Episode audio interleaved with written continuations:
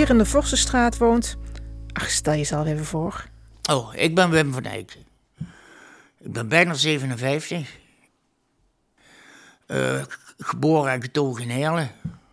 En heer en meester van de metaalwerkplaats van de Werkmeester. Dat is een sociale werkplaats hier vlakbij. Bij ons zijn veel mensen die nergens anders meer terecht kunnen. We hebben ook heel veel uh, cliënten van de, de klomp. Het leger des heils.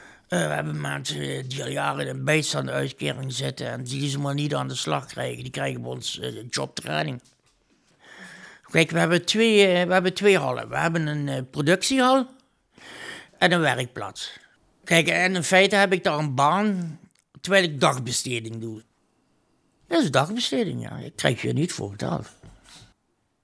Ik heb recht op vijf dagdelen dagbesteding per week en die gebruik ik. WMO, wet maatschappelijke ondersteuning. Want Wim werd twintig jaar geleden ernstig ziek en belandde in een rolstoel. Kijk, ik ben niet meer de jongen van vroeger. Hè. Dus zaterdag ochtends motocrossen, smiddags mountainbiken, s'avonds optreden. Drumsel opbouwen, drumsel afbreken, weer naar boven brengen. En ik woonde op vier hoog in een flat toen dit gebeurde, zonder lift. Ik heb mijn eigen woning niet meer gezien. Ik ben ook depressief geweest, dat geef ik ook rustig toe. Ik heb uh, een hele tijd op paasafdeling gezeten en dat ik gewoon niet meer zag zitten.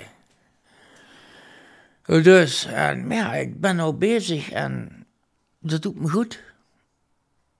En vooral het, eh, het principe van dat ik nog voor anderen iets kan betekenen. Ik kan mensen leren lassen. Ik kan mensen fatsoenlijk met gereedschap leren omgaan. Wat gebruik je voor wat voor metaal? En zulke dingen. En ik heb erbij, moet ik zeggen, die zijn super leergierig.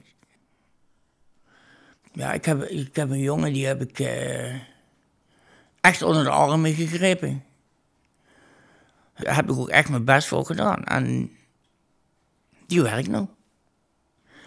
Sinds uh, vorige maand was hij nog daar, even een vast contract, waar hij werkt. Nou, dat is, uh, dat is keks.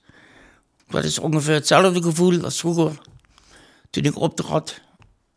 En na het laatste nummer. Eerste nummer was ik poepje nerveus. Na 30 jaar nog steeds. En de laatste nummer krijg je zo'n gevoel van... Hé, dat heb je toch even geflikt.